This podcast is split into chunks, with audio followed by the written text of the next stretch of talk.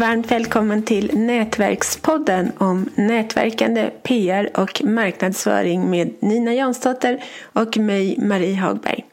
Idag ska vi prata om konsten att, att ordna långsiktiga relationer med journalister. Nina, hur många långsiktiga relationer har du med journalister? Det vet du säkert inte. Ja, det många. nej det vet jag. ja, många. Eh, och eh, nej, men jag tyckte att det här med deras arbete som journalist, att jag tror att det finns en liten dröm där hos mig att själv skulle jobba med, mer med journalistik än jag gör.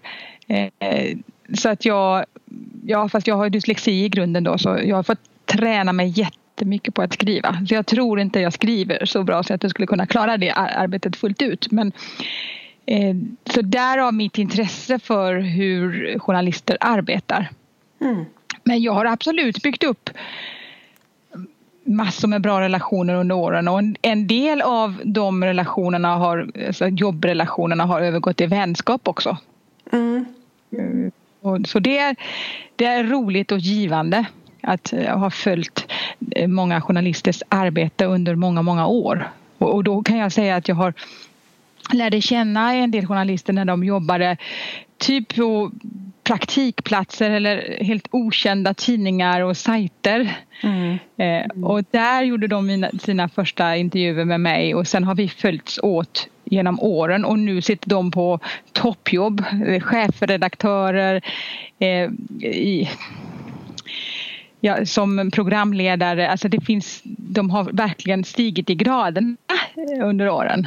Det är häftigt. Jag, också, jag har i och för sig bara en enda sån, men hon, är, hon intervjuade mig. Hon var 16 år tror jag när hon intervjuade mig. Hon gick i alla fall i gymnasiet. Och nu hon, nu har hon ett toppjobb, eller hon är frilansare, men hon är super, super, super duktig och skrivit böcker och allt möjligt. Och så himla, alltså hon hade sån framåtanda redan som tonåring. Och det har satt, suttit i. Ja, alltså många tänker ju så här då mina klienter att ja, nej, men vi vill gärna vara i tv-soffan eller vi vill eh, gärna vara med i DN men alltså vi vill inte göra någon, slösa någon tid för att vara med på någon okänd sajt eller någon, någon tidning, någon fack, kanske branschtidning som de tycker att det, det är inte min bransch eller så. Men jag har verkligen eh, passat på och eh, vara med i, jag tror knappt att jag har tackat nej till någon enda förfrågan. Nej, inte jag heller. Och det Nej, har ju... jag har bara sagt ja. Ja, ja exakt. Alltså det är, det är bara... Oh, jag blir så trött på alla dessa som vill hamna i TV4s morgonsoffa det första de gör. Man måste liksom arbeta sig uppåt. Och då gärna med hjälp av studenter.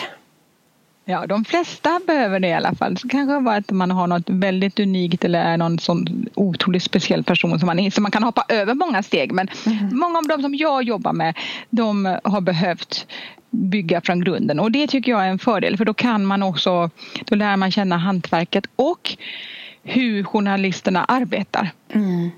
Mm. Och en sak som jag tidigt förstod det var det här att eh, kan vi samarbeta kring att, eh, att bygga vårt nätverk? Och nu har ju du startat din tjänst och hjälpt en journalist men innan den fanns eh, så fick jag massor med förfrågningar tidigt då när journalisterna hade intervjuat mig så kanske de hade någon annan vinkel på gång. Och sen Nina, du som känner så många, känner du någon som bla bla bla? Eh, och ofta så gjorde jag ju det. Mm. Och då, kunde jag, då blev det liksom win-win på flera plan för då kunde jag ju hjälpa någon i mitt nätverk att, att få synlighet och journalisten fick snabbt ett bra case och, och någonstans så byggde det ju också goodwill för mig att jag hjälpte till på både den som fick bli intervjuad och för journalisten som löste problemet att de inte hade något, något case och de hade en vinkel som det var deadline på imorgon. Mm. Mm. Jo, visst och, och det så. vet jag att du också gjorde. Ja, oh ja. tidigt. Ja, oh ja, det var faktiskt en journalist, hon var ganska ung då, hon också. Eh, hon, eh, som, hon skickade ett kort till mig skrev, ett julkort och skrev Du är årets kap. ja. att jag, ja, till. Ja, jag hjälpte till. Jag, jag tipsade henne om massa möjliga intervjupersoner och sådär när hon behövde det. Och, och, ja, så hon var jätteglad och vinklar. Alltså, alltså, om man vet vilka typer av eh, tidningar någon frilansare till, till exempel jobbar med eh, och vilka typer av vinklar han eller hon brinner för att skriva om. Då kan man ju tipsa också om vinklar, alltså trender eh, och nya idéer och kan man dessutom då komma med någon intervjuperson som kan antingen någon expert eller någon privatperson som har varit med om något fenomen så, så blir det ju jätteenkelt för dem att skriva. Ja, visst. Och, speciellt och jag tyckte det varit roligt. Ja, det hade varit. Och speciellt, det ska man också ha i bakhuvudet, speciellt frilansare, de har ju inte så himla lätt att få tips för övrigt. Så de, de tar ofta tacksamt emot tips på intervjupersoner och artiklar och sådär som de kan skriva. Just frilansare har jag haft väldigt stor framgång med. Eh, speciellt tidigt i min, min karriär då att jag hade kontakt med några som ja, under flera år så, så liksom hade vi nära samarbete och jag tipsade om grejer och jag ställde snabbt upp och, och jag langade fram då diverse olika personer som, som kunde uttrycka bra saker så att de kunde skriva enkelt, mm. sälja artiklar. Och, och nu tycker jag verkar det som att det finns färre frilansare totalt. Jo men det är förmodligen färre. alltså det är tuffare för dem. Ja, så att ja det är enormt mycket uttalat. tuffare. Nej. Ja, och många, ja de överhuvudtaget har skurit ner redaktioner och så. Ja, alltså på bara några år så är det tusentals journalister som har förlorat jobbet.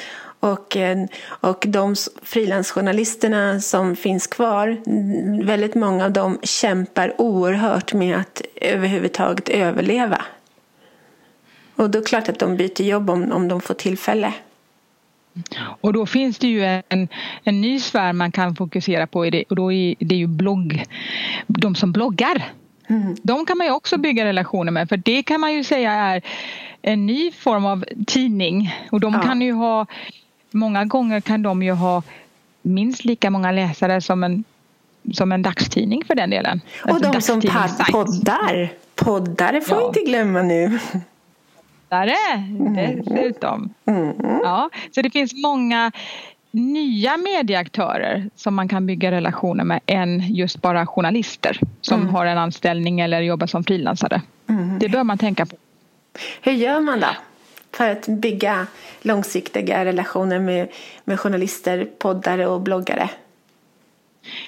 Grunden tycker jag är att man visar intresse för hur de arbetar, vad de har för mål och syfte, mission, eh, värderingar. Så att man på något vis kan matcha det. Det mm. handlar ju mer om att du ska om du vill ha relation med, någonting, med någon så måste du ju ge någonting. Och det handlar inte om att du tänker att jag har jättestor nytta av den här relationen och därför vill jag ha ut det här. Första hand då bör man gå in och, och bara ge och utan att tänka att då måste jag få det här tillbaks. Det är som ljuv musik i mina öron. Gud vad många det är som missförstår det där och tror att ett samarbete handlar om att de själva ska få ut 100 procent och den andra ingenting. Det är så många som tror det, uppenbarligen. Och någonstans ger det sig i förlängningen. Alltså jag tycker att, jag, jag tror på karma. Eh, givers gain eller vad vi vill kalla det, att den som ger får någonting tillbaka. Och det kanske inte handlar om att du exakt får hjälp av just den journalisten tillbaka men om du har den eh, den inställningen och överhuvudtaget i nätverkande att jag, jag matchar människor, jag inspirerar, jag hjälper till med det jag kan. Eh, jag är nyfiken på hur jag kan, hur jag kan ja, vad jag kan göra för andra människor i mitt nätverk så kommer det på något vis, den andan kommer att ge dig mycket tillbaks. Mm. Men ibland blir man besviken. Ibland kan det vara så att om man har rent konkret har lagt mycket energi på någon relation och, och den personen är väldigt ointresserad av att göra någonting tillbaka, varken till dig eller till andra. Mm. Och det är lite tråkigt. Ja, men då får man ju, då, då är det också ens eget ansvar att bryta bryta den relationen och inte fortsätta ja. några år till. Ja, jag är jättesnabb med att bryta nu för tiden. Alltså de måste bevisa för mig först att de ger mig någonting. Annars får det vara. Men både du och jag har ju då våra egna stora mediekanaler. Eh, bland annat på Facebook. Och jag är förvånad över så många helt i princip helt okända människor för mig som skickar PM och säger kan du dela det här för mig? Något event eller någon artikel eller någonting. Och så tänker jag bara så här Hallå, men vem är du? Och liksom, varför ska jag lägga tid på det? Alltså det blir så... Och jag, menar, jag erkänner att jag ofta hjälper till ändå. Ibland blir jag sur och så svarar jag inte men det händer, det händer för sällan. Mm. men att jag jag är så förvånad över den strategin att man liksom tänker sig om de då vill bygga en relation med mig att eh, som journalist och, nu gör jag citattecken i luften för jag kallar inte mig journalist. Eh, även om jag jobbar med journalistik så kallar jag inte mig det i första hand. Mm. Och att de då, om vi tänker att de vill bygga en långsiktig relation med mig, att de har det som strategi att bara liksom skriva gör det här. Mm. Utan att någonsin. Det hade varit så enkelt för dem att någon gång innan de bad om hjälp delade någonting för mig eller för någon i mitt nätverk eller på något vis bidrog med någonting först. Mm, visst. Ja, jag brukar ofta tänka på det för att jag får ofta också förfrågningar. Vill du hjälpa? Men du som har så många journalistkontakter, vill du, skulle du vilja skriva ihop en lista på journalister jag kan kontakta? Eller något mm. sånt där kan hon fråga Eller mig. att du ska kontakta dem. Eller att jag ska, absolut, att jag ska kontakta journalisterna. Det tar ju bara 30 timmar så för mig att göra ett, ett bra jobb. Så det är lugnt, det gör jag gärna gratis. Um, inte. Um, men att jag blir också så förvånad att varför gör de inte det? Varför, dels varför visar de inte framfötterna själva först gentemot mig och hjälper mig på något sätt och vis i världen? Eh, det, det, har sällan eller aldrig hänt. Eller ett annat alternativ, varför svarar inte de här personerna på jag, menar, jag har ju då den här tjänsten Hjälp en journalist där man kan svara på alla handa efterlysningar inom olika områden. Och det är ett otroligt bra sätt att bygga upp värdefulla journalistkontakter som man sen då kan pitcha själv när man behöver. Alltså det, det, är ett suveränt sätt tycker jag, även om jag är lite partisk. Så varför gör inte alla dessa människor det? Varför, varför, tipsar, varför svarar de inte på efterlysningarna och, och, och, och, bygger upp journalistkontakterna sen? Varför går de direkt på mig utan att vi haft tidigare kontakt och frågar om jag vill hjälpa dem helt gratis? Alltså, alltså det, jag får kortslutning i hjärnan. Jag fattar inte hur de tänker. Jag tänker mig, för det första tänker jag att de inte riktigt har förstått affärsidén och det kan ju vara viktigt att, att tänka på när man själv då vill bygga någon relation med någon med någon mediekanal eller någon som en journalist som säljer sitt material. Att man förstår deras affärsmodell. Ja. Vad tjänar de pengar på? Ja. Innan man liksom ber om tjänster. Ja. Och sen det andra är att det krävs att själv svara och ligga på det krävs ju en egen ansträngning. Det är mycket enklare om du anstränger dig istället för att de själva gör det. Och sen kan det kanske vara också rädsla, det känns läskigt att kontakta någon. De kanske känner att genom att du är ganska personlig på nätet så tänker de att de känner dig, att de är, du är en vän. Ja. Och därför är det enklare att fråga dig än att kontakta en vilt främmande journalist. Men jag tycker ett annat tips då att okej, okay, jag, jag, skulle kunna absolut kunna tänka mig att kontakta journalister. Men det här är bara ett litet råd från mig. Att om jag kontaktar någon och frågar vill du hjälpa mig med X eller Y? Så lägger jag alltid till en, en liten men väldigt väsentlig mening. Hur mycket skulle du i så fall ta betalt för det? Och den frågan ja. har jag nästan aldrig någonsin fått i hela mitt liv. Nej. Nej, det är väl också att jag, jag tänker att många faktiskt inte förstår riktigt värdet i att bli omskriven, att synas, att det, att det någonstans har ett pris. Ah. Och, det, och åtminstone om man då inte tänker att man har pengar eller vilja att betala då kan man säga så här, jag har tyvärr inte så mycket budget men jag undrar kan jag, vad skulle jag kunna hjälpa dig med tillbaks? Ah. Den lilla meningen hade ju varit revolutionerande om fler hade Alltså så att även om man inte har pengar att man liksom Finns det någonting jag kan göra med det, med det lilla jag kan mm. göra? Mm. att det finns den förståelsen. Och där, därför tänker jag det att eh, det är jätteviktigt när man kontaktar någon att man inte bara tänker på vad man själv vill ha ut utan vad kan jag själv ge? Och är det så att man då inte har så mycket marknadsföringsbudget, på vilket annat sätt kan du hjälpa den här personen? Mm. Mm. Och nu fanns ju inte det från början, från början när jag eh, kom ut i, i press och blev intervjuad och byggde mitt varumärke. Då, då fanns inte sociala medier så på det viset som det fanns en del olika eh, Shortcut till exempel där vi lärde känna mm. varandra. Det var en mm. karriärsajt. Mm. och, men eh, man hade ju inte den möjligheten att, att eh, sprida saker. Men det har man ju nu. Så det är ju de journalisterna eller de mediekanaler som du känner att här vill jag vara med och samspela. Dela, gilla, kommentera andra saker som inte bara handlar om, om när du blir omskriven. Mm. Att du följer och är aktiv. För alla vill ju ha spridning och synlighet.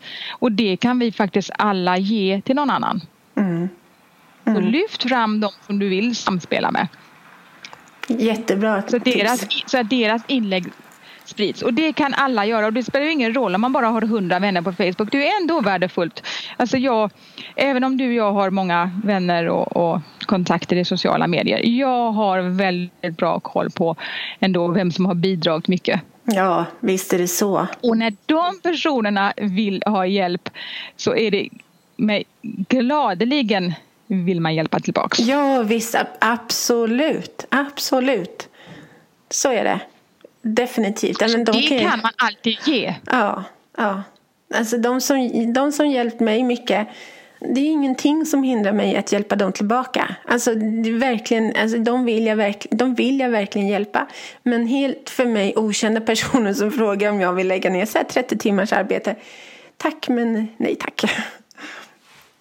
Och sen de tidningarna då som man gillar och tänker att jag vill jättegärna bli intervjuad där. Det är ju kanon att, att påminna dem eh, om din existens genom att du Eh, om du är expert inom ett område och det är en tidning som, ja, som handlar om din nisch, att du är aktiv där i deras kanal på Twitter, på Facebook eller någon annanstans och kommenterar och eh, föreslår om de Ibland lägger ju de ut olika efterlysningar också, någon som känner till någon talare eller att du svarar, lägger den tiden och, och, och är med i dialogen. Mm. Och varje gång du gör det så lämnar du ju ditt visitkort. Mm. Och säkert är det så att om de då eh, framöver vill ha någon som kommenterar någonting inom din nisch att du är mycket enklare för dem och att de har dig top of mind i och med att ditt namn så ofta har kommit upp i deras flöde. Så fungerar det ju. Ja, visst visst. Jag hörde på en podd om en tjej, hon, hon var väldigt engagerad i någon Facebookgrupp och, eh, och på ett väldigt, väldigt, väldigt trevligt sätt. Och, och till slut, den här ägaren av Facebookgruppen, till slut så, ja, hon lade märke till den här tjejen mer och mer. Och till slut så fick den tjejen en anställning av, av personen som ägde Facebookgruppen tycker jag var lite häftigt. Det är, ett sätt, det är ett sätt att bidra. Synas, bidra med det man kan och även om man inte har så mycket tid, pengar eller andra resurser eller erfarenhet eller vad det är man tycker man saknar så kan man alltid bidra med någonting. Om inte annat bara med att gilla, heja på, kommentera på ett trevligt sätt. Det kan, det kan alla göra. Ah. Ja. Och det är ingen som blir ledsen för att någon liksom är positiv när man skriver någonting. Mm.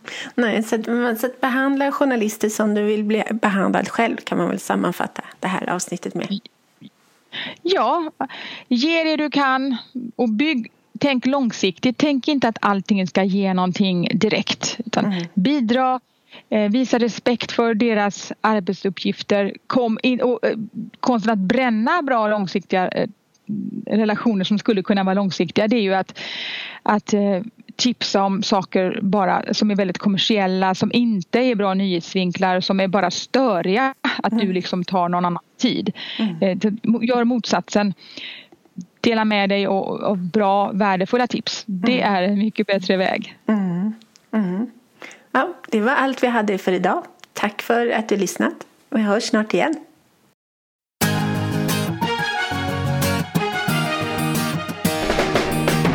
Tack för att du har lyssnat på Nätverkspodden om nätverkande, PR och marknadsföring med Nina Jansdotter och Marie Hagberg.